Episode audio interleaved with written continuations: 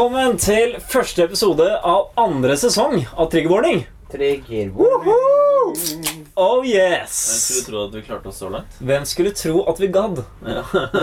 det blir mer av det. Med meg i studio jeg heter Jonas Bredesen, forresten. Hyggelig å hilse på dere alle. Ja, jeg er eh, 27 år fra Arten, blir 28 neste uke. Eh, Det er vel det som er verdt å si. Jeg er sammen med Mats Jørgensen Bakke Bø. Det stemmer. Den mellomste bukken Bruse. Mellom- Jeg har fylt uh, 28, Uh, opprinnelig fra Oslo, som eh, også ble sagt i sesong 1. Men Yes. vi må jo recappe litt. Jeg tenker det trengs. Recap fra sesong 1. Mats er fra Oslo. Og med oss har vi også Eldstebukken i Bruse. Ja. Han, han som skaller ned trollet til slutt. Uh, Skalle-Martin, eller også Skalle-Per, eller bare Martin. Kall meg hva du vil. Jeg skaller deg ned. Jeg er uh, Ja, jeg er vel den eldste i flokken. Vel, det er vel lov å si. Ja, Om man er mest modne, er vel en annen sak. Man spør vel aldri en kvinne om alderen, kanskje? Kanskje vi skal bare En kvinne? Eh, i skjegg? spørs hvem som spørs hvem som spør. Spørs hvem som spør. Denne episoden skal handle om fun facts fra historien, nær og fjern.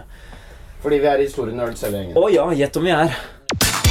Man har jo også ofte inntrykk av at eh, vikingene Spesielt en tøff Hvis du ser for deg en tøff vikinghøvding, da så ser han ut som et HA-medlem eller en sånn rockepsykopat, ikke sant? Han ser, ja, han, ja, han, han ser ut som en fyr som ble kasta ut fra Ila kretsfengsel. Ja, riktig. Men altså, hvis du hadde sett den, så ville du antakeligvis tro at den hadde rømt fra en psykiatrisk anstalt. For du hadde ledd deg i hjel hvis du hadde sett den. Og det, det er ganske sånn skuffende å tenke på.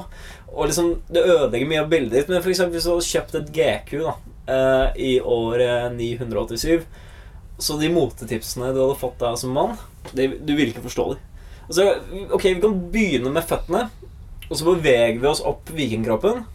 Skal jeg forklare hvordan en vikinghøvding gjerne Eller i hvert fall ikke nødvendigvis en høvding, men la oss si en krigereliteperson. Kan ja, kan, kan, du først, kan, du, kan du spørre oss hvordan vi tror en viking så Ok, ut? greit. Vi, vi, begynner med, vi begynner med beina. Føttene. Ja. Jeg tror en eh, din standard eh, velkledde vikingmann. Mhm. Eh, men snakker vi nå i krig eller til Nei, til, hverdag. Eh, Hverdag og fest. Hverdag og fest, ja. Ja, riktig. Okay. Eh, Da snur vi fest. da Jeg tror han hadde på seg en uh, sammenrulla uh, rådyrpels som han hadde bare surra rundt foten sin og stramma med noen reimer som var lagd av eh, hår.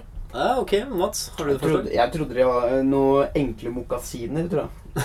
Noen sånne små snertne mokasiner som man kan bruke på stranda. Ja, men sånn mokasiner bare som var høyere Ja, riktig. eh, opp på leggen. Det, det, Det vi kan gjerne, altså Støvler er det vanlige, da, det er stikkordet her også.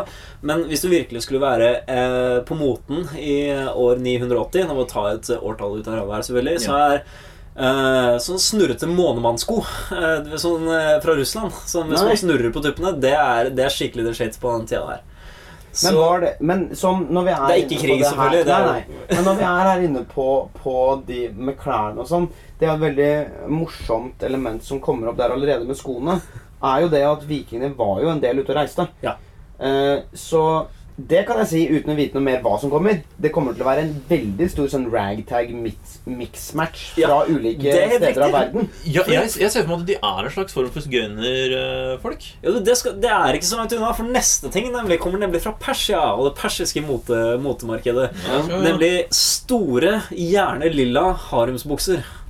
Ah, Yes, når, en, Hammer en stor høvdingkuk, og du har buksene til å takle det. Det er, eh, det er det du signaliserer til alle rundt deg. Ja. Altså, det er eh, og, Men haremsbukser er jo de beste buksene. Det er litt den samme type bukse som kunst- og håndverklæreren din på Ja, men alle som har prøvd et par haremsbukser, eh, kan jo innrømme at det er de mest komfortable buksene i verden. Jeg har et par selv. sjøl. Ja, og hvis du da er høvdingen, så du på en måte er the law, Ja. Så kan du gå i hva faen du vil. Jeg velger bukser. Jeg er høvding i denne bygda. Ja, ja, Og jeg går i haremsbukser. Men så kan vi ta skjorta, da. Ja, så du hadde skjorte, altså? Ja, ja eller, eh, eller tunika. Det, Mm. eh, Som bestefartrøye?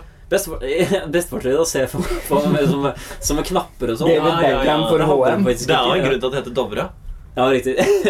Nei, altså eh, det, Sarong, skjorteaktig, lang skjorte. Gjerne helst rosa. Helst rosa. Nå Yes. beskriver du jo en hvilken som helst håndarbeidslærer. Ja, altså, så vi begynner på føttene. Snurrete støvler, haremsbukse, skjorte som er rosa. Det er det vi har nå. Men det er jo hva er Hvordan heter han gærneste av Sand-brødrene?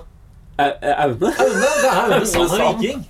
men, men det er jo er Hvis man da ser på, på rosa skjorte Ja. Sånn er det den dag i dag. De største av de største ballerne. Det er bare, det er bare de, De som er i Disney, business, liksom. som kan pulle off den eh, lakserosa skjorta, liksom.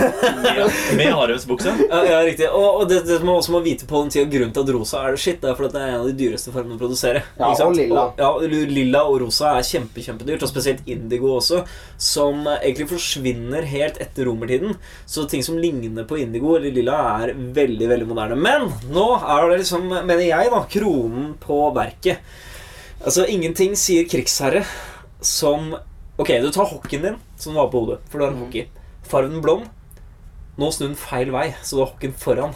Altså, lang, ho- vet du, nå er det, nå er det altså party in the front, business in the back. Ja, men litt, vel, nå er jeg litt forra. Har du en hockey som du har dratt over hodet forover? Yes. Eller har du basically bare langt hår foran? Du har langt hår foran kort bak. Altså, okay. Ingenting sier uh, dødsforakt som løper brølende inn i krigen med blenda av ditt eget hår, som eh, sier nå jeg. Men ja, så, så det det basically har, da, er på en måte hår hengende ned på hver side av hodet foran? Ja, det er antageligvis fletta. Fletta, Mm. og så Ja, men faktisk det, Ja! Og jeg tror jeg forstår hvorfor. Jeg tror, Kan jeg bare skyte inn en teori om hvorfor de ikke hadde langt hår bak? Ja. Langt hår bak det er lett å få tak i på en person som ikke Når du slåss? eh, når du slåss. Ah. Så er det lett å få tak i hos en fyr som ikke følger med. Ja, riktig. Det, det, det er et argument. Ja. Jeg vil også si at uh, Det kan hende jeg har sett litt mye på Vikings nå, hvor, Ja. hvor folk er veldig kule, men det kan Det kan pulles off. Ja, kan, ja, kan det? Eh, Kanskje. Men eh, ikke, ikke forhast deg nå, Mats, for nå kommer det som faktisk er over eh, håret ditt, nemlig lua di. Uh, komplementer månemannsskoene dine med en spiss strålmannlue. Så, med Altså- brem. Nei, nei, eh, bare sånn lang lue. Gjerne Sånn bakover. nisselue? Altså, Å, ja. gjerne, altså gjerne uh, Altså Ingenting sier dødsforakt som gjør deg til et større mål på slagfelten.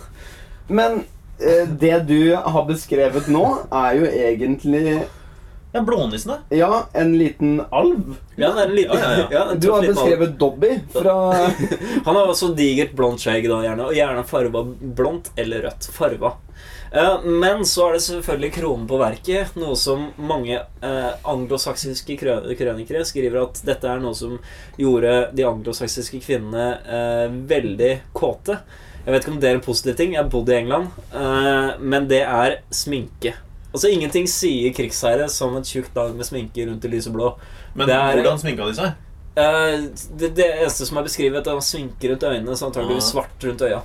Ja, men eh, det er jo Hvis du ser opp gjennom tiden, så er det sånn derre Sånn som uh, han Blackbeard også. Brukte sminke Ja, yes. og putta lunter oppi hatten. Det, ikke sant? Det har du lyst til å skremme vettet av en gjeng med, med veike engelskmenn, så, så tar du bare og tar litt metallsminke. Det jo, De var jo metall. Ja, ja, absolutt. Med blondt hår eh, med Men- belten foran, selvfølgelig. Men det som er litt morsomt, da, som eh, du beskriver nå, er at eh, man sier jo Når du tenker på en viking, så tenker man på et HA-medlem. Ja. Men det som er det ironiske, er det at måten vi ser på de første HR-medlemmene også, Ah, er er òg eh, noe feil.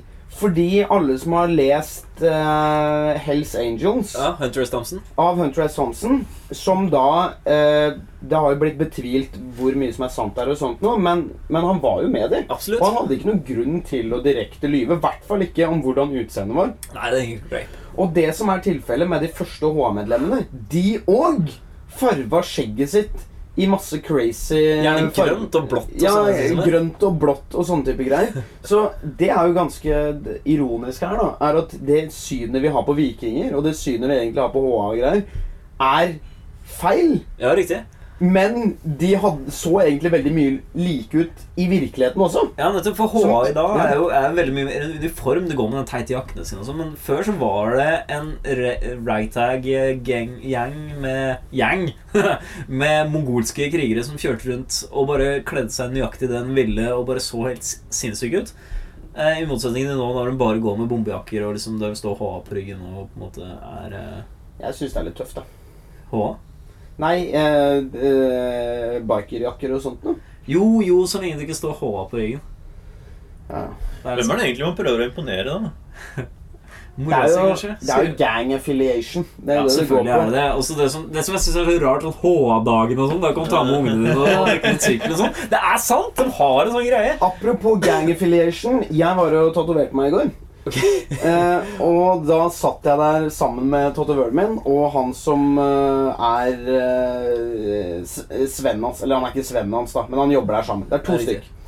Så sitter jeg her, og de er jævla glad i å sitte og finne morsomme bilder på internett.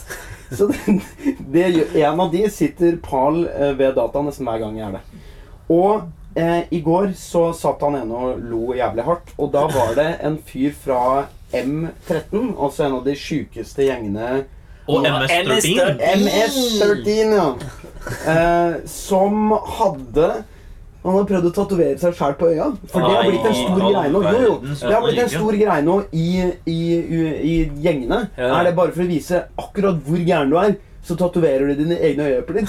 Det som skjer da i veldig mange tilfeller, er det at de blir blinde. Selvfølgelig. Fordi de ødelegger sine egne øyne. Ja. Så han fyren her han hadde først tatovert seg sjøl på sin 15-årsjubileum for å være en del av MS-13. Okay. Så hadde han blitt blind. Så hadde han ring 911. Ja. Hey, homes, getting Og da politiet kom, eh, eller da de kom, eh, så hadde han tysta til politiet om gjengen sin i håp om at de ville hjelpe ham med å få tilbake synet, noe han ikke fikk. Selvfølgelig ikke. Eh, me my nå havner han i fengsel, er blind oh. og MS-13 har lyst til å drepe ham. Det var sidestykke, sidestykke. Nei, men det er eh, moro, det. Høres ut som en ekte viking. Ja, eh, ja. Gang affiliation. Uh, Han trenger i hvert fall den vikingen han har i seg, samle det opp, fordi han har en tøff tid foran seg, vil jeg tro. Uh, ja. med mye uh, gladius som han skal stikke inn i andre. Han ser det ikke, da. Han ser ikke hva som foregår. Nei, men vet du hva, Jeg ville helst bare ikke sett det, og, og ønska meg til et mye vakrere sted.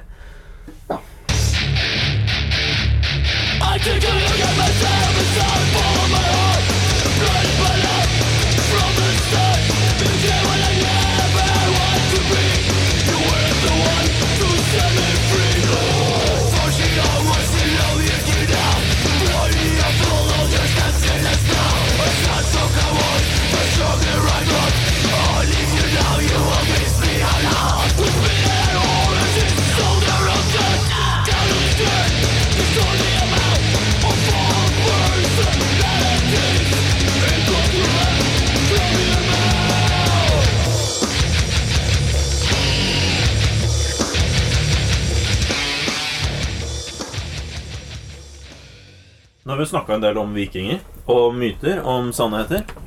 Folk har blitt lurt. Folk har fått sannheten. Men i den forbindelse så har jeg lyst til å ta en liten runde rundt panelet her og høre hva slags eh, utrustning ville dere valgt hvis vi sier at nå plutselig så blir vi bare transportert 1000 år tilbake i tid. Okay. Året er 1015. Du er Faen. i uh, Du er i uh, Slaget på Stiklestad. du, ja, ja, for eksempel. Altså slaget på Stiklestad eller Nord-Europa generelt. Mm. Hva ville du valgt i forhold til uh, våpen? Mm. Og ellers hva slags klær du hadde hatt på deg? Ja. Tenker jeg da du, og Målet er i hvert fall at du skal klare deg med lengst mulig i strid. Ok. Uh... Gitt, gitt de evnene du har nå. Det er ikke sånn at du bare magisk får evnene til å håndtere et sverd idet Ja, du drar da tilbake kunne det vært hva som helst. Da, da hadde vi jo daua med en gang. ja, riktig. Jeg hadde hoppa på hest i bakgrunnen, jeg tror jeg. ja, det ridd Altså, rundt slagmarka. Man må jo kunne altså, kunne du, blir, du, blir, du blir ikke satt Du blir ikke satt eh, et skogholt eh, to kilometer utenfor slagmarken. Du blir satt midt inni Ok, frontlinja. greit. Men da er det irrelevant hva man har, nesten. Eller et kjempe, kjempelangt spyd, så jeg bare kunne stått og poka. Der begynner det å ligne noe, for der tror jeg faktisk vi er, eh, snakker samme språk. Jeg hadde nok eh, bedt min skaper om at jeg hadde rustning. Av en eller annen, form. La oss si at jeg transporteres tilbake i tid. Da. Jeg er en adelsmann. Så jeg har full ringbrynje, for det er det som er vanlig på den tida her. Eh, platerustning er ikke vanlig lenger. Eh, vanlig lenger, vanlig enda, er det riktig å si. Så vi kan jo si Og jeg må for guds skyld ha en hjelm. Um, Ja, for det, det som vi snakker om på den tida, er at det som er vanlig Eller ikke vanlig utrustning, men det som er standardutrustningen i forhold til militæret, det er da brynjer og lær. Bryn, ja, brynjer for eliten, lær for uh, Pakke. Ja. Uh, eller Pakke har vel ingenting her. Bleibarna. De, de har vel bare hud, liksom. De har lendekleder. Ja. Ja. Uh, og så vil jeg håpe at jeg har en hjelm, da enten med nesebeskyttelse eller med sånne ringer rundt, eh, rundt kinnbeinene, som også er vanlig på den tiden. Ja. Jeg, jeg vil kanskje gått for den, for den gir vel optimal beskyttelse. Gjerne kombinasjonen, gjerne nese også.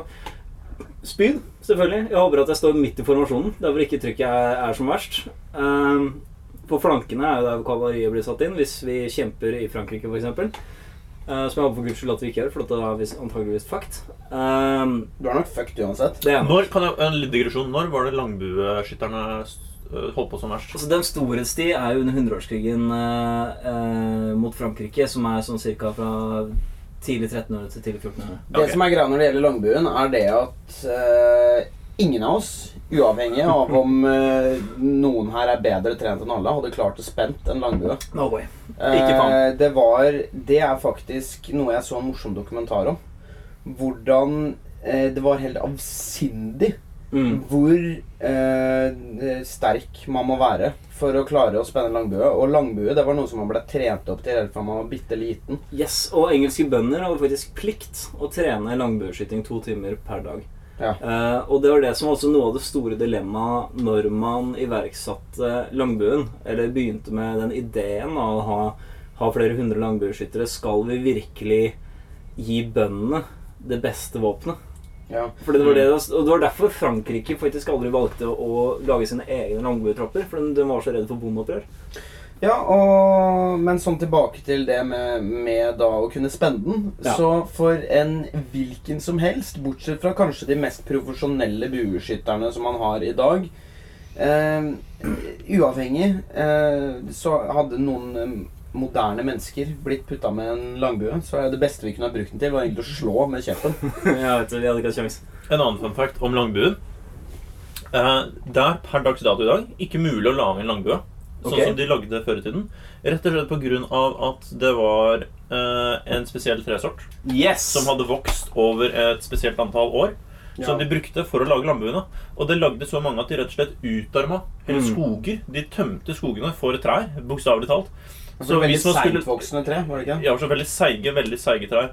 Og skal man lage en langbu i dag, så fins det rett og slett ikke trær av den samme standarden som de brukte på den tiden for å lage de langbuene som de hadde da. Jeg skjønte sånn at Man helst bruker alm eller ask i dag, men det er ikke tilsvarende. Det er ikke nok. Det, er ikke, det blir ikke det samme. Så vi driter i langbu, da, eller?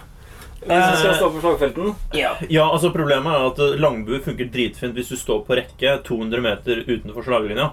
Men nå er du in the middle of the heat. Og La oss si at eh, ridderne kommer forbi Uh, og mellom skuddtakta di, så da, da er det også ganske er. Ja. Jeg hadde bare gått gung-ho. Bare fått meg en jævla krumsabel eller et eller annet sånt noe. okay. Og så bare minst mulig rustning. Kanskje noe lær, sånn at jeg har mest mulig bevegelighet. Ja. Eh, Ja, jeg og, vet ikke. og så går jeg bare full gang-ho, fordi sjansen for at eh, hvem som helst av oss hadde bare stryket med asap der, er så stor at da vil jeg heller bare se mest mulig badass ut. Så hvis jeg mot et eller annet mirakel overlever, så vil alle bare tenke at jeg er en skikkelig baller. Ja. Jeg tenker OK, spyd. Det vil jeg ha. Ja. Uh, sverd. Det vil jeg også ha. Uh, ikke øks. Eh, problemet med øks er liksom at uh, sverd kan svinge mer rundt deg. Mm. Øksa må du ha mer presise slag, selv om det kan gjøre mer skade med mindre kraft i et øksehugg, fordi at mye av vekta i øksa ligger i enden av våpenet. Altså det Vektstangsprinsippet sier at da trenger du å bruke mindre kraft med slaget ditt for å gjøre skade. Men allikevel, sverdet det kan du skade uansett hvor du treffer. Med sverdet. Så lenge du liksom treffer på sted uten rustning, så, så er det i mål. Eh, så det er vel et bedre våpen. Um, all over. Det er derfor det tro- tross alt er et statussymbol, og folk foretrekker sverd også. Uh, ja, altså litt krumma sverd. Men er det jeg, jeg, jeg bare, er bare litt tanke her. Er ikke noe av grunnen til at sverd er et statssymbol rett og slett fordi det var dyrt? jo, Det var ikke nødvendigvis et uh, bilde på kvaliteten som våpen, men rett og slett fordi det var vanskelig å få tak i. Det krevde mye ressurser både av deg som person og uh, forbindelsene dine. I nærkamp er jo sverd eh, et bra våpen. Mye bedre. Altså det, er, altså, det er mye du kan gjøre med øks, og det er mye du kan gjøre med sverd. Det som er viktig å tenke med øksa, er at eh, Eller la oss ta, ta sverdet først, da. Manøvrerbart. Vekten av sverdet ligger ved hånda di, ikke sant? Så den er lett å manøvrere. Eh, Du kan eh, bevege den mye raskere, og du kan gjøre skade med hele sverdet. ok? Men det krever allikevel litt mer styrke og litt mer kraft i hugget. Øksa derimot krever ikke like mye kraft, fordi at mye av tyngden ligger i enden av våpenet. Allikevel, den er tyngre å drive, fordi at nettopp vektstangsprinsippet gjør det sånn at idet du slår, vil mye av eh, vil kraften å, å genereres ut i våpenet, så det er vanskeligere å snu. Så det krever faktisk mer av deg fysisk å slåss over lengre tid med en øks. Ok, så hvilket, du, du, du må da velge to våpen. Hvilke to våpen hadde du valgt? Spyd og sverd. Spyd og sverd. Ok. Eh, jeg tror nok jeg hadde gått for Jeg har alltid vært, eh, alltid vært fan av det. Rett og slett fordi det bare er så uhorvelig brutalt. Det er så brutalt at du aner ikke hvor mange intimgrenser du bryter når du bruker det. Men det er en uh, helstøpt stridshammer. Mhm.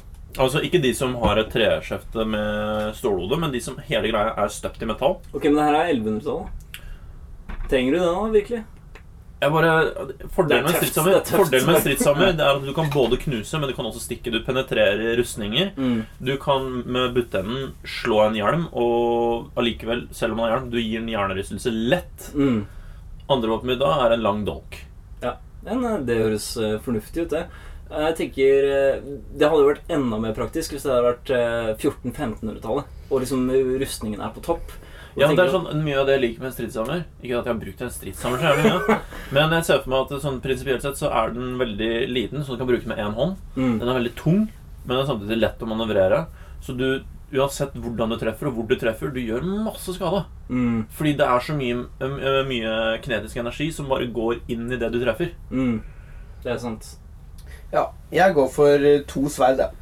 Kjører full akimbo. Ja. Learn by doing, tenker jeg. Okay. Og så bare få mad respect av eh, alle folka som er der. For hvis du plutselig står andpusten der igjen, og du oppdager at alle er døde rundt deg, og liksom, la oss si den ene promillen kommer for at det skal skje, da.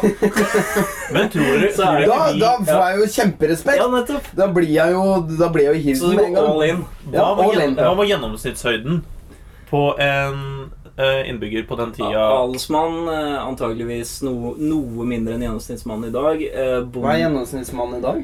Det er vel 1,80. 1,80. La oss si det er en La de si er like høy som meg, da. 1,75 og 1,77. Jeg tror trodde det var mye lavere. Eh, Ikke, all, ikke nødvendigvis alderen. Ja, men Vi tenker Men, ikke, eh, tenker ikke alder, vi trenger snitt sånn på landsbasis. Mye mindre. 1,70 kanskje. Ja. Uh, la oss si at vanlig mann er 1,68. For jeg tror vi hadde ruva på slagmarken. altså Det er sant. Men du er et digert mål òg. Ja, men Er folk så dumme at de går etter det største målet? Jeg veit ikke. Til er bueskytteren, eksempel. Du syns? Ja, det er sant. Ja, faen, ass. Ja, det går gang gung ho. Fy faen, jeg har ikke lyst til å bli treffet i kneet av en pil midt på slagmarken. Så sitter du der og ber om at noen bare skal gjøre slutt på deg. Og for da, da er det sånn at eh, Da kan du si til folk på slutten at en gang så var jeg en eventyr som deg. Og så tok jeg en, en I took an arrow to the knee. Fun fact, fun fact. Det her er jo da selvfølgelig et sitat fra Skyrim. Mm. Jeg tok en arrow to the knee, Men vet du hva en arrow to the knee betyr? Som stammer fra vikingtida. Nei. Det veit jeg faktisk. Men si det. det var rett og slett et begrep om at man hadde blitt hitcha eller gift med ei dame. Ah. Som gjorde at du ikke lenger dro ut på eventyr. Du holdt deg hjemme. Eh, Per def så hadde du da blitt skutt i kneet av en pil, for du klarte ikke lenger å bevege deg. Det Det, det var da en indirekte måte å si at du ikke klarte å bevege deg, fordi du ble holdt hjemme av kona di. Ja, riktig. Det er det vi kaller et eh, anker i dag, som sjømenn har kalt Riktig, det. riktig, riktig. et Hemsko. Ja. Det burde vi kanskje ha en episode om. Alle de fine ordene menn har skapt for å havne i allianse med en kvinne. ja, nettopp. Ankeret. Jeg liker det godt. Ankeret. Skal hjem til ankeret. Ja, Ja, ja. Støtt. The old ball and change. Men uansett, eh, er det noen som er klar for flere fun facts? Oh, yes. Yeah! Oh, yes. Uhu! Ok, men da begynner jeg. Uh, når man ser for seg en neandertaler Vi gikk jo gjennom en eh, viking i stad. Uh, men hva er det du ser for deg da? En neandertaler? Ja, Pegida. Ape. ja riktig. En, altså, en person, hårete mann, som ikke har mer intelligens enn en sjimpanse eller en pediga, pegida medlem. Tangerudbakken. Tangerudbakken. Ja, nettopp. Vi, vi er der. Vi er der. Jeg vil si Pegida. Det er et bedre, ja. bedre bilde. Ja, riktig. Men så viser det seg at når man gjør kraniundersøkelser av de fleste fullvoksne neandertaler menn, og kvinner også for så vidt, så har de like stor, noen ganger noe større hjerne enn det vi gjør. Et kjapt uh, innspill. Er det ikke også samtidig bevist at hjernestørrelse ikke nødvendigvis har Ja, så mye med Yes, intelligens det er veldig viktig å si. Uh, men allikevel så er det gjerne proporsjonalt med kroppen til dyret. Nå er også neandertalermannen noe mindre enn oss. Eh, som er overraskende. La oss si for eksempel, Hvis man ser på hjernen til en uh, elefant eller hjernen til en hval, uh, så er den større enn vår. Men det er også fordi det er et enormt dyr. ikke sant? Neandertalerne er mindre enn oss. Ja, men det er Eh, viktig og- å merke seg noe ja. som ofte ikke blir tatt opp i det her, og det er med å skyte inn, det er òg den med at størrelsen på de ulike sentrene i Yes, for der hjernen kommer det viktige. har mye å si. Fordi at det mest utviklede, moderne delen av menneskehjernen er frontallappen. Eh, Neandertalerne også hadde en velutviklet frontallapp. Det veit vi. Spørsmålet er er den like avansert som vår. Det er der spørsmålet ligger.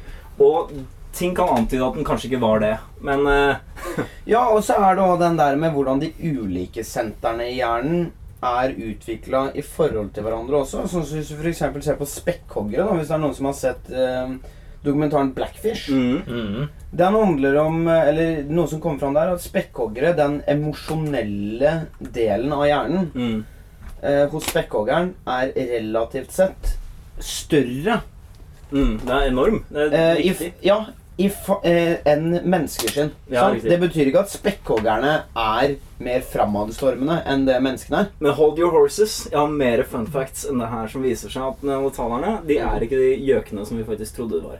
Ok, Hvis vi ser på steinalderredskaper eh, fra samme tiden, så utvikler menneskeredskapene seg noe fortere, og neandertalerne stagnerer før.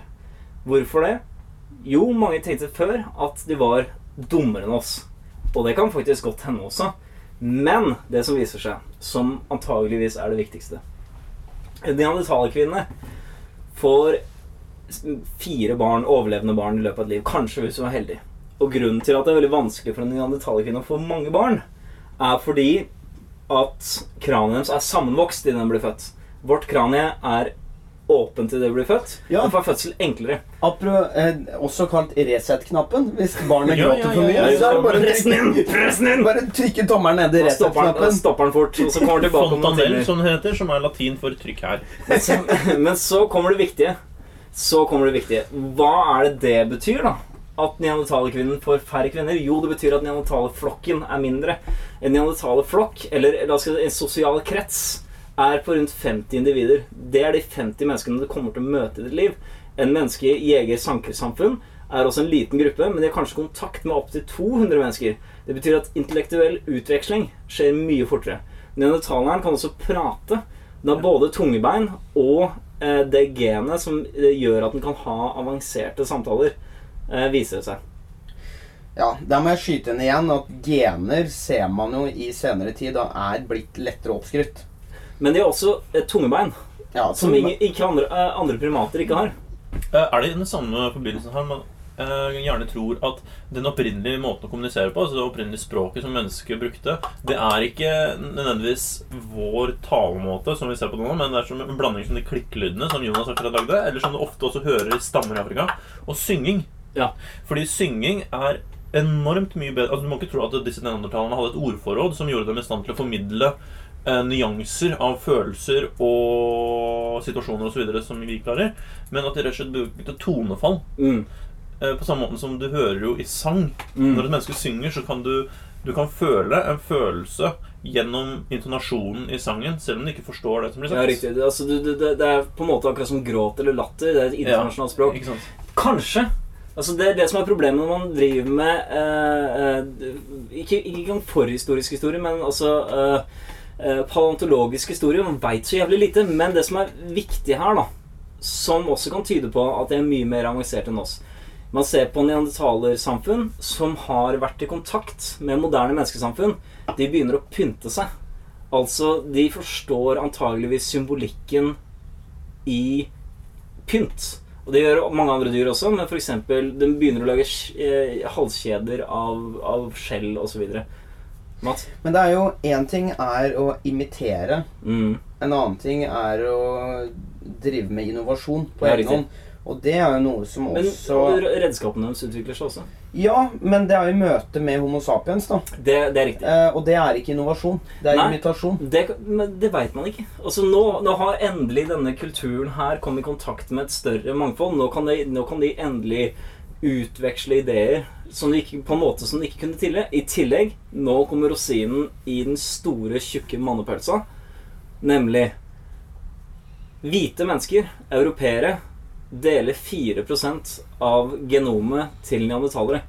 Altså ergo cognito ergo fucking sum. Det har ikke noe med det å gjøre, men uh, vi, vi kan bruke det i sammenhengen allikevel. Uh, vi lå med dem.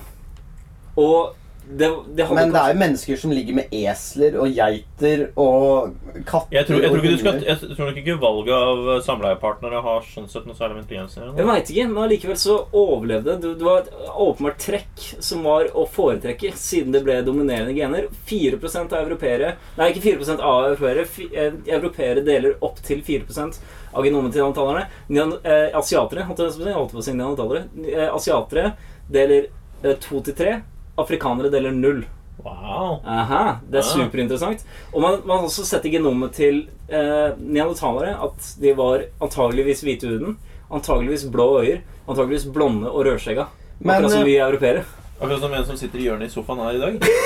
Riktig, du er sikkert den som deler mest neandertalere. Men, men samtidig så kan man si at både Frp-velgere og Pegida-medlemmer er også mennesker. Akkurat som Eh, neandertalere. se- har, har også likhetstrekk med andre mennesker. Mm. Men det betyr ikke at de er like intelligente for det. Nei, tror du Hvis man hadde gjort undersøkelser av dem, tror du det viser seg at de er mer hårete og kanskje mer, sånn, mer neandertaleraktig? Ja, Jeg må bare slenge inn en ting når det gjelder den DNA-greia også. Vi mennesker deler jo felles DNA med mye forskjellig, da. Å nei, nei, nei, nei, nei. Det, det, det, det har ikke noe Det var ikke den sammenhengen. Altså, Ja, ja. nei, nei, altså, vi deler jo felles stamform med elefanten også, fordi vi er patter. Ja, ja. Eh, Genom Ok, så det er, nærmere enn det, altså. ok, så det er Ja, ja, ja. Det eh, er, neandertaler gener i mennesker? Ja, ja, ja, da er i europeere. Mm. Ja, da skjønner jeg. Uh, jeg vil bare skyte inn også at neandertalere hadde større hjerner. Men det er veldig viktig å huske også at neandertalerne hadde en ganske, ganske mye større og mer kompakt muskelmasse Yes! enn det vår, eh, vårt moderne menneske har. Mye tjukkere Og mye tjukk, ja, altså, tjukkere muskelmasse krever også en, en større hjerne. Krever Mm. mer mat, krever en høyere forbrenning. Mm. Så det vil si at selv om du har en eh, hjerne som er større enn en annen, så det er ikke dermed sagt at den største hjernen jobber mer effektivt Nei. enn den mindre. Men den mindre kan også vinne over den store ved å være flinkere til å jobbe på lag med andre små gjerne Så vi er flere også, så vi, Ja. vi banka dem jo. Ja, ja, det er sant, og det er et godt poeng sånn som uh, du kom med deg, Martin. Fordi at det er jo den der med at du må jo ha fuel. Det merker Mm. man jo, merker man jo selv òg, det at hvis vi har lavt blodsukker Og det viser seg jo at vi mennesker er jo faktisk, tro det eller ei, med tanke på hvor mye vi spiser nå, vi er i stand til å fungere på veldig lite mat. Mm. Eh, og vi kan gå over lange Alle som har sett f.eks. Human Planet, sånne type greier, ser jo folk som driver og løper ut i bushen etter en gaselle i dagevis og Mm. spiser nesten ingenting. Sant? Så det moderne samfunnet er ikke representativt for hva menneskekroppen kan fungere under. Nei, nei, nei. nei. Og, og det tror jeg er et veldig viktig poeng her, som, som Martin kom opp med her, er det at vi mennesker kan fungere på faktisk ganske lite mat. mm. Eh, og det er jo en teori som har kommet fram nå. Det er jo folk som i dag lever på the warrior diet. Mm. Som da eh, er bygd på en teori om at eh, i virkelig gamle tider så hadde vi mennesker eh, ett stort måltid om dagen. Mm. Ellers gikk man bare og spiste frukt og bær og Og kull. Og, og kull. Men altså, det som er så viktig å vite med neandertalerne, er at de hadde det som på den tida ville vært ansett som avansert teknologi. F.eks. det å produsere lim. Du at de gjorde dem De gravde ned spesifikke tresorter som de ville ha kvae. De lagde små bål under bakken for å lage både varme og trykk. Og produserte lim til våpnene sine. I tillegg så brukte de oker. Som også tidligere mennesker brukte å pynte seg med. Og det gjør de også i noen kulturer både i Nord-Amerika og Afrika i dag. Spørsmålet er Brukte de okeren til å pynte seg med, eller brukte de okeren til å holde insekter vekk? For eksempel? Men allikevel så det, dette er en former for teknologi som er relativt avansert. Ja, det, det er det jo. Det er jo nok det er, Jeg henger meg lett på det med at neandertalerne høyst sannsynlig var mer intelligente enn det vi først trodde. Mm. Men alt er mer intelligent enn det vi mennesker tror. For vi er veldig glad i å tenke at vi er de eneste som har intelligens til å klare å fungere utenfor noe, men det viser seg mer og mer med alle slags dyr. da, Ikke da det sier at neandertalerne var dyr, Nei, men det var mennesker. ja. Ikke sant, fordi nå, du, Man må først og fremst etablere sammenligningsgrunnlaget her.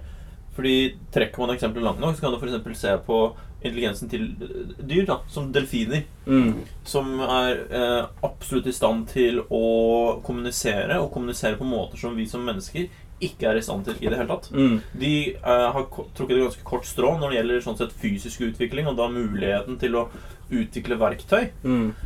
Uh, Og det er ingenting i veien for å tro at hvis en delfin hadde hatt armer og bein og hadde levd på jorda, at de hadde vært i stand til å utkonkurrere menneskene. Kvalmt. De knuller hverandre i blåsehjulet, vet du. Skjedde ikke det her i en Sau... Nei, Simpson-episode var det. Simpsons. Simpsons-episode. Det er lite knulling i Simpsons. Eh, Nei, det var vel ikke helt det som skjedde. Men det som skjedde, var at delfinene i Simpson de ble hyperintelligente og tok seg opp på land og overtok uh, menneskeheten. Men apropos intelligensen til delfiner, det er veldig fascinerende, fordi siden de er så intelligente, mm. så kan de eh, også bli psykisk syke. Ja, ja, ja. Og det fører til at man har bl.a. kunne nesten påvise pedofili i, eh, ja, i delfiner. Hvor du da har delfiner som er seksualovergripere overfor andre delfiner. Forgriper seg på Det, delfiner. de er jo det, det er jo det mest overgrepslystige dyr som finnes. Det er visst det. Sjimpansen også. Bortsett fra Homo sapiens. Sjimpansen er også langt oppe på Ja, men der ser du. Med intelligens kommer eh, overgrep. Kommer ja, jo smartere du er, jo mer lyst har du til å bare forgripe deg på andre mennesker. Stor intelligens kommer med stort ansvar. Ja, si. Og, og lyst til å overgripe store gladiuser. Ja. Men apropos, hvis du skal gå tilbake til eh, til neandertalere, og eh, sånn som Martin var inne på her, eh, med veldig høy forbrenning og sånne Mm. ting Det er noe som også er veldig fascinerende med neandertalerne, som har vist seg senere, og det finner man på skjelettene deres og alt mulig, at den gjengse neandertaler eh, kunne ha eh, flere brudd. Mm. Beinbrudd som da tydeligvis bare omtrent helbreda seg selv, og de kunne omtrent fungere i dagliglivet med et beinbrudd. Uh, ja, det er én ting, men de har nok antageligvis fått støtte fra flokken og blitt mata av de andre. Man ser også for eksempel, Det er et veldig kjent eh, skjelett av en kvinne som har mista alle tennene sine, men allikevel overlevd lenge. Og med tanke på den dietten som de hadde, som stort sett var basert på røtter og, og kjøtt, som, eh, som bare var stekt over åpen ild, så antageligvis noen tygde maten for henne og stappa den inn i kjeften hennes. Det ble et god gammel sånn pingvinmating. da Ja, Resten eller av stammen bare de- sånn spøya ned i De hjalp hverandre og hadde nestekjærlighet for hverandre. Betyr jo også at Ja, det men var, det er jo noe som også ser igjen hos veldig mange dyr.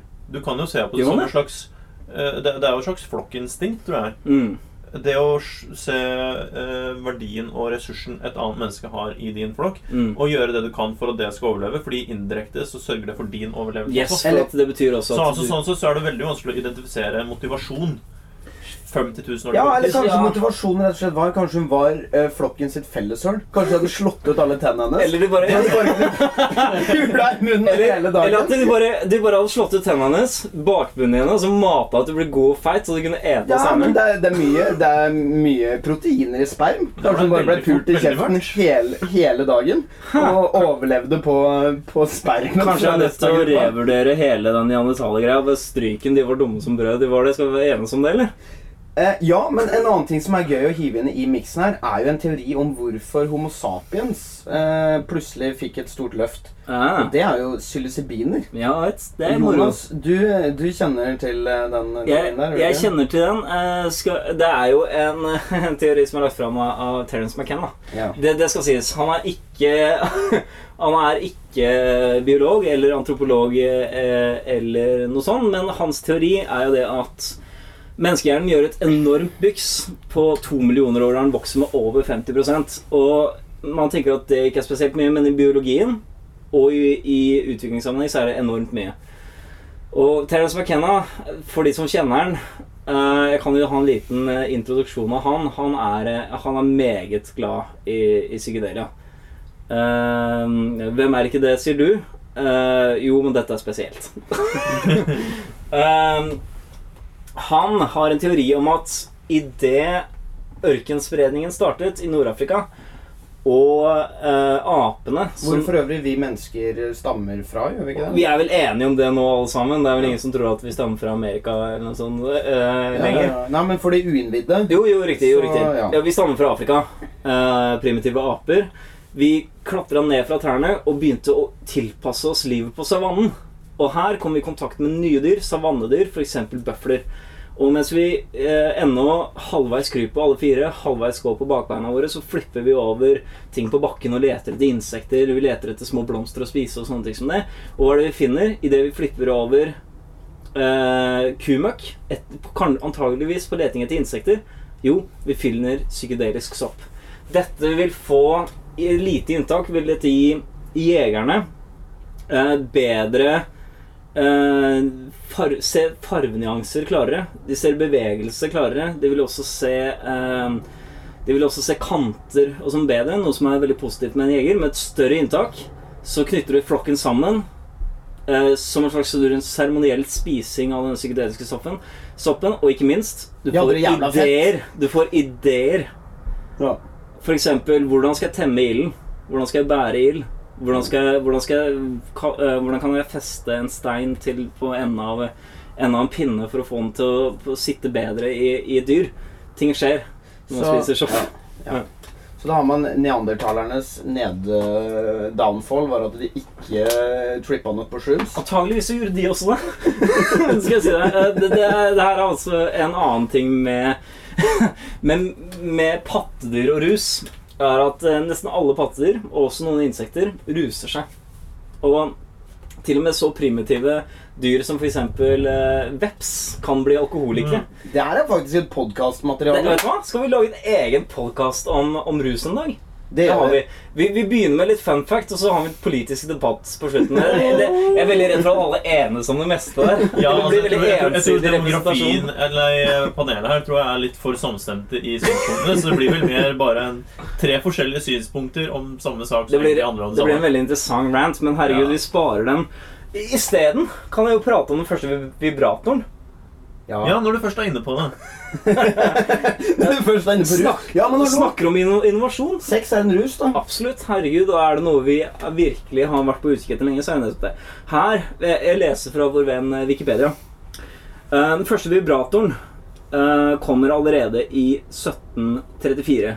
I, eh, den, den er selvfølgelig det er, det er bare én nasjon som kan produsere det her, og det er nemlig Frankrike. Selvfølgelig. Ja, ja.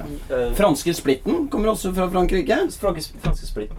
Ja, Har du ikke hørt om den franske splitten? Hva var det? Det er en truse hvor du har en åpning. Ja, fransk Fransk åpning. åpning. Ja. Ja, ja, fransk åpning. Ja. Ja, ja, ja, ja. Også kalt fransk splitt, tror jeg. Spansk. Ja. Ja, ok. Jeg liker ordet fransk splitt. Skal vi bruke. Men i hvert fall, her på Wikipedia så er det ikke eh, Så står det ikke hvordan, eh, hvordan det vibrerer. Så la oss si at dette er bare en vanlig dildo. Men utover på 1860-tallet så, eh, så er det en fyr i England, eh, nei, en amerikaner, som utvikler den første dampdrevne dildoen. Med Ok, store- nå Skal det først bevege seg, så skal det bevege seg hardt. Da må du spa inn køl, og du må, du må store stempler som går. Er liksom Er det, er det her også noe som har både første, andre og tredje klasse? Det er vel ikke kanskje Det, det er vel ikke sånn trinnfri som man har, har i dag, som man skryter så mye av, antageligvis. Det er massive se, se liksom for deg de adelskvinnene som bare sånn James! Fyr opp Fyr opp kjelen! Yes, yes, my, love, my lady. Og så står han og spar køl i kjelleren. Yes, pour on some coal on the pleasure yes, more coal! Og så drar de i spaken. Ding, ding, ding, Ja, ding, fordi, ding, ding, ding, ding, ding, fordi ding. det på gamle, ordentlig gamle dampmaskiner så måtte man jo ha en som spar kull, og en som på en måte drar i spakene. Ja, som sender beskjeder. En, en som blinger i bjella for å si sånn ding, ding, ding, ding, Mer køl, mer køl! Og så en fyr, fyrbøtteren, og så han som på en måte drar i spakene. Og ikke minst han der lille ungen som løper fram og tilbake med beskjedene. Ja, Ja, og så blir sant. klemt i, i maskineriet. For Ja, for Tror du det fantes arbeidsulykker tilknyttet dampdrevne dildoer? Og vet du hva, det, det står ingenting om. Men eh, ikke lenge etter så er det selvfølgelig også da eh, en amerikaner, enda en amerikaner, som eh, utvikler en dildo. Det her er på 1880-tallet. Eller det er en vib vibrator. Det heter dem, eh, det, Beklager, nå, nå surrer jeg litt i, her. Den første dildoen, den damp, dampdrevne, hadde et så eh, Så uskyldig navn som The Manipulator. Hva var det den het? Veldig søtt. The manipulator. Manipulator. Det, man, det kan manipulere seg. I hvert fall den som første elektrisk drevne kom på 1880-tallet. Og den var eh, først og fremst eh, brukt i terapeutiske sammenhenger. Eh, for kvinner på den tiden led av noe som jeg mistenker at kvinner leder, lider under ennå, nemlig hysteria. ja. Og det er kun kvinner som kunne le av det. Ja, det var enkelte menn som fikk det også, men det var først og fremst kvinner. Og det kan vel alle enes om også i dag. Jeg har her faktisk bilde av okay. Den dampdrevne dildoen. Shit, på frites! Det er verdt å nevne det ser ut som et hjemmesnekra prosjekt. Uh, Fuck it. Den er faktisk slående lik uh, den lille uh, lekedampmaskinen. Men du må jo som- brenne deg på legga. Tenk at du får låra borti den der. Ja, jeg skjønner ikke helt hvordan Fordi den er med forveksling lik den lille lekedampmaskinen som jeg hadde da jeg var liten. Og der er det Hvis jeg skal beskrive det her, så har du en, en plate. En liten firkanta plate. Så har det Eh, fyr, fyrkjelen. En fyrkjele må du selvfølgelig ha. Eh, Du har eh, Med trykkmåler og eller? Du har med trykkmåler. Du har også et to tannhjul eh, med Åpne tannhjul. åpne tannhjul med kjede på. Og da snakker vi om kjede i den mekaniske forstand. Eh, og så har du da en spak bak her. Men det, det som slår meg, er liksom hvor kort dildoen stikker ut fra Det maskinen. er skremmende. Det er der jeg tenker at du kan brenne seg Så her, her ser jeg for meg at dama må da omtrent sette den maskinen her oppå kanskje nattbordet sitt. Og så må hun stille seg med ass out mot den her og, og la dampmaskinen ta doggy. For du kan ikke, la, du kan ikke legge den i senga. Det er jo brannfarlig. Ja, og nå ser man hvor bl.a. blant annet Nøkken uh, har hentet inspirasjon fra. For her er det veldig Ja, masse ruller. ruller. når du sa brannfare, Jonas, jeg tror jeg kom uh, på hvorfor London brant ned. Var ikke det på 1800-tallet? Ja, det var på 1600-tallet. 1600-tallet. Så er vi også litt tidlig ute der. Men kan jeg få skyte inn i, når vi først snakker om terapi og psykiatri og det å gjøre folk friske Fordi psykiatrien har jo alltid vært opptatt med å kurere folk for mentale lidelser i alle former og fasonger. Og i den forbindelse så er det en, en, en, fin fyr jeg har lyst til å ta fram her, som heter Johan Christian Reil. Ok. På 1700-tallet så var han en eh, psykolog som tok for seg folk med ja, da, mentale lidelser. De, ofte i form av de som hadde problemer med å konsentrere seg. Det vi okay. kanskje i dag hadde kalt ADHD. ok. Han bestemte seg for å kutte alle snarveier og bare gå rett på sak, og lagde et instrument. Ok. Ja. Og det her var ikke et hvilket som helst instrument, det var et piano. Og piano det skulle lage musikk for å fange oppmerksomheten til disse menneskene som ikke klarte å holde oppmerksomheten sin. Men hvordan lager man et piano for å holde oppmerksomheten til folk? Jo, du skifter ut innmaten. Ok. Og du erstatter den med katter. Det var altså et katzenklavia, som det heter på fagspråket. Okay. Og måten han gjorde det her, var rett og slett at han hadde en pianoboks, eh, et pianostativ. -hmm. Inni dette pianostativet så satte han katter eh, etter eh, stigende toneart, altså i forhold til eh, tonen på mjauet deres. Han satte dem fast. Spikra halen deres fast til eh, tilhørende tangenter. Hvorpå han da kunne sitte i ro og mak og spille på dette pianoet sitt foran pasienten og faen. lage kattemusikk. Spille Phantom of the Opera. Så, så måten han ville kurere folk for eh, ADHD, var gjennom bokstavelig talt kattejammer, som er en av de mest irriterende lydene i verden. Det kan Kanskje han skulle skremme dem til sans og samling? Jeg har jobba med flere barn med ADHD, og er det noe som hadde appellert til dem, så er det nettopp det å spikre halene til katter. Til, Men tror du ikke disse ungene heller bare hadde tatt over instrumentet? det ville nok blitt eh, blitt veldig ekte De, de, de hadde elska det, i hvert fall enkelte av dem. Hvis det er noen av dere som har sett Steamboat Willie Det er den første tegneserien med Mickey Mus, hvor han er på en båt, og han forlyster seg til de gangs Og med å ADHD. pine eh, dyr. Ja. På ja. forskjellige måter. Blant annet så spiller han på en katt. Og jeg tror det var eh, Jeg tror nok de fatta litt eh, inspirasjon fra Kattens klaverer Fordi der tar Mikke tak i halen til en katt, slenger den i, i, eh, på dekket på båten, står på ryggen hans og drar i halen for å få katten til å lage forskjellige lyder og, mens han gliser og smiler.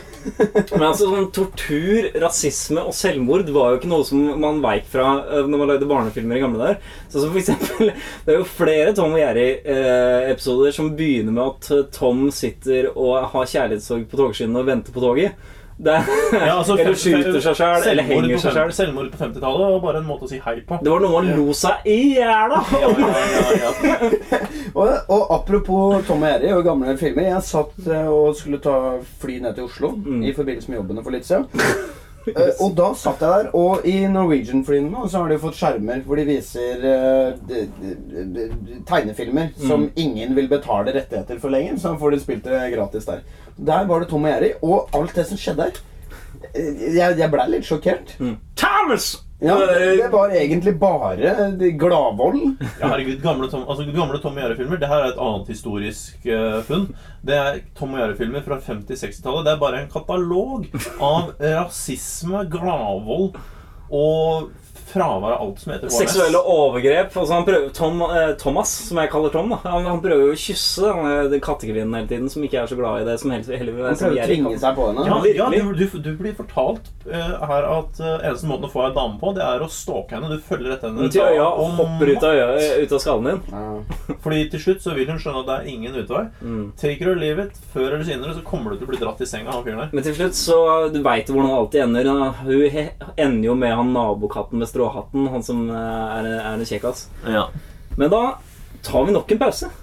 ja. Når vi kommer tilbake, så skal vi ombefale litt. Yes, det skal vi Oh, gjøre. yes, det blir vi snakkes. snakkes.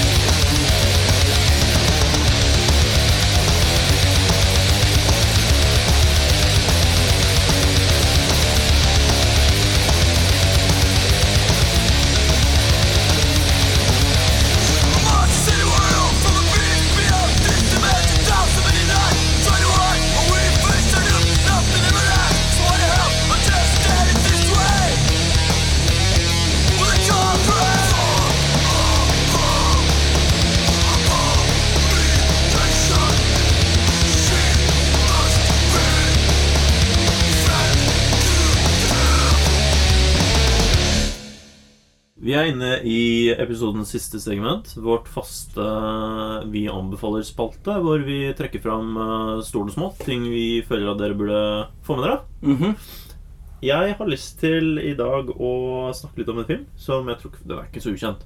Den er langt ifra ukjent. Men den er noe som jeg syns de fleste burde få med seg. Det er snakk om en film som fikk eh, en god del Oscar. Den sopte med seg det som var. Jeg snakker om The Grand Budapest Hotel av Oh, yes. eh, Wes Anderson. Det er god film. Det er flere her i panelet eh, som har sett den. Uh, jeg har ikke det, dessverre, men jeg har sett mye annet ved Sanderson. Jeg er en, eh, fanboy. Ja, jeg må innrømme at jeg var ikke en spesielt Wes Anderson-fan før filmen. Jeg vet ikke om det var Wes Anderson som gjorde at den var bra. Sannsynligvis, fordi den har en veldig quirky feeling over seg. Det er en film som Jeg skal ikke røpe for mye, eh, men den handler om ekstremt mye, og du kommer til å bli veldig overraska over alle de kjente skuespillerne som er med i bitte små roller. Yes, det, Som bare kommer inn, er der i ti sekunder, og så stikker de av igjen. det er men- veldig typisk han. Ja, det er kanskje det. Ja, han ja, men kanskje spesielt med den filmen her. Det, Ja, og det som, men det filmen handler om, er rett og slett et hotell i et fiktivt land. Som du kommer inn i in medias res, som det heter i norsken, hvor du kastes rett inn i handlingen. Og filmen da handler om tilbakeblikk om hvordan dette hotellet ble til, og gjestene som har vært innom, og sjefen på hotellet. Og den blir fortalt gjennom ekstremt hurtige segmenter. Du er nødt til å følge med hele tiden. Du kommer til å bli veldig overraska over hvor mange ting som egentlig skjer.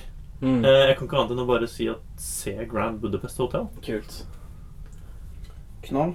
Skal jeg eh, fortsette? Ja, hvis du har lyst. Ja, da holder vi oss innenfor underholdning på skjermen. Jeg skal anbefale en uh, serie som ligger meg tett til hjertet. Uh, jeg og Martin vi har blant annet her uh, Da vi flytta inn i leiligheten vi bor nå, så lagde du et bilde på kommisjon. Hvor du malte en scene fra den serien her. Og den serien jeg snakker om, det er The Regular Show. Oh yeah. Det er på utsiden en Ja, for Prøv å objektivt forklare The Regular Show. Ja, på utsiden så er det her en uh, Cartoon Network-tegneserie tegneserie om en um, uh, bluebird, eller en eh, blåmeis. Mm. Nei, ikke blåmeis, det er en egen eh, fugletype. Og en vaskebjørn som jobber i parkvesenet i en park. Så klart. Sjefen deres er en tyggegummimaskin. Eh, og, en av, og arbeidskollegaene eh, innebærer annet en eh, gorilla. eh, et spøkelse, eller high five ghost. eh, og en adrogyn, androgyn, men ikke på en sexy måte, person som heter Muscleman. Okay. Er det ikke også en karakter der som bare er en sånn tyggisautomat? Jo, det- det er sjefen. tygges, ja. det er Gumball-maskinen som er sjefen. Eh, og den serien her er mildt sagt psykedelisk. Mm. Eh, her er det veldig mye referanser til eh, både det ene og det andre av, av rusmidler, men på en feel good måte. Så her er det god stemning all around. Anbefales på det varmeste hvis du har lyst til å kicke back og ja, space ut litt. Det kan minne litt om uh, Adventure Time, kan det ikke det? På mange måter. Uh, Adventure Time er nok Det er fullt dypt inn i psykedelia, liksom. Ja, men Adventure Time er tross alt et, et barne, barneprogram. Er det det? Jeg liker det veldig godt. Ja, men jeg digger Adventure Time, jeg òg, men det kan slippe unna med å være et barneshow. Okay. Det, det at uh, regular show på, var på Cartoon Network, er strengt tatt en stretch. Der tror jeg det var noen i i den utvelgelsesprosessen her som kanskje hadde røyka én for mye medicinal marijuana cigarette. Det er lov der. Det er lov Eh, der. Det er lov der. eh, Og, eh, og tenkte at det her ville gjøre seg dritbra på skjermen. Noe det gjør, Mm. men kanskje ikke nødvendigvis for barn. Nei, ok. Da er det, er det min tur. Ja. Ja. Vi skal holde oss i underholdning, eh, men denne gangen til spillverden. Det er en serie for oss historienerds og, og våre likemenn der ute uh, som heter Total War. Og den har holdt på helt siden eh, tidlig 90-tallet, vil jeg tro, med Shogun Total War. Og nå har den nyeste Attila Total War kommet. Uh, fantastisk strategispill. Uh, du eh, eh, ser slagfeltene overfra og styrer flere tusen mann. Og, og, og koser deg med å se de krige og slåss. Og, Det som er kult med Total War, jeg spiller jo det jeg òg, er Mm. jo det at du har eh, på eh, strategimappet, eller altså før du havner i en krigssituasjon, direkte slagfelt, så er det jo turn-based. Ja. I den forstand at alt av diplomati, politikk Bygging. Og, og, og utbygging av infrastruktur, uh, hærdannelse og sånt noe, det er jo turn-based. Mm. Så det, det spillet her er sykt kult i den forstand at du klarer å kombinere turn-based Mm. og action ja, som det er på slagmarka. Og begge to på hver sine sider er enestående bra Mm. til, eh, til strategispill å være. Altså. Fantastisk. For noen som eh, aldri har vært borti spillet, krever det mye systemressurser. Ja, det gjør eh, det. Altså, ikke så mye lenger. De gjorde det en gang i tida, og kanskje de aller nyeste, hvis du skal kjøre med full grafikk, så gjør det nok det. Men hvis du kan ta til takke med litt redusert grafikk, eh, så skal det på de fleste moderne dataer som er kjøpt etter 2013, gå, altså. Jeg stiller spørsmål som en uinnvidd eh, person. Ja. Jeg liker Civilization. Vil jeg like Rome også? Det vil du antageligvis. Det, ja, det som er greit å merke seg med, med de spillene her, er at det er jo noen av de mest innvikla strategispillene Mm. I hvert fall mainstream eh, strategispillene eh, som er. Fordi at her er det ikke som i eksempel eh, Ja, hvilke kan man Age of bruke? Empires, Age of Empires, sant, hvor Mm. det bare er action. Du er bare rett inn i kampen. Eh, her er det sånn at Grand Campaign er jo det jeg liker best. Mm. Og det er jo en standard i alle alle spillene, og der blir det jo satt i Fordi hver av spillene er jo en historisk tid. Ja, han tar for seg en historisk epoke. Ja, ja. Eh, ja, jeg har lyst til? Og inn i det her så er jo da også det politiske spillet på den tiden uh, fletta. Men hvordan det utvikler seg, det er jo avhengig av hvordan du som spiller påvirker det. Så man har litt den følelsen av den butterfly-effekten. Mm. Hvordan verdensbildet utvikler seg på en helt annen måte.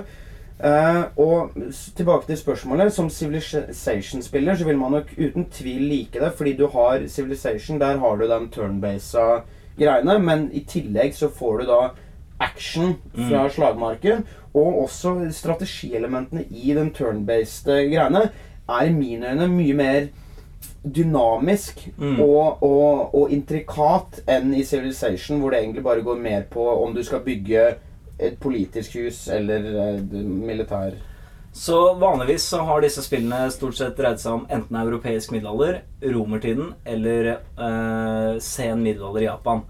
Eh, nå nylig så har det kommet et som foregår i The Dark Ages, altså tidlig middelalder også. eh, som heter Attila. Og det virker veldig veldig bra. Veldig interessant. Jeg gleder meg veldig til å få prøvd det en gang til jeg får nok, eh, nok Det blir kult, men det er viktig å skyte inn der at du hadde jo Medivo, Veldig bra. Total War. Det Mm. er jo en av mine favoritter. Det er jo fra middelalderen. Mm. Eh, Så det blir veldig morsomt å gå tilbake til den tiden hvor kavaleri sikkert står ganske sterkt. Ja, riktig. Jeg forestiller meg at uh, bueskyttere fra hesteryggen er viktig. Det er jo Attila. Ja. Det er jo, det er sånn, eh, sånn han slo seg opp og fram i Europa. Ja. så Vi gledes. Åh, det blir gøy. Det blir så gøy. Kanskje jeg skal prøve det også? Mm, absolutt. Men eh, da sier vi adjø for denne gang. Takk. Adjø. Takk for nå. Snakkes! Du har nå hørt en Triggervarning-podkast. Det er som vanlig satt sammen av Terje Micaelsen, også kalt Molester Mustache. Han finner du på Soundcloud. I tillegg til det så hørte vi musikk fra Hormonger. Eh, vi hørte låtene 'Tied to an Anchor' og 'Outnumbered'. I neste episode skal vi snakke om det å bli voksen. Og ironisk nok skal vi ha musikk fra et band som heter Kuk. Så gleder vi oss veldig til neste gang. Vi høres.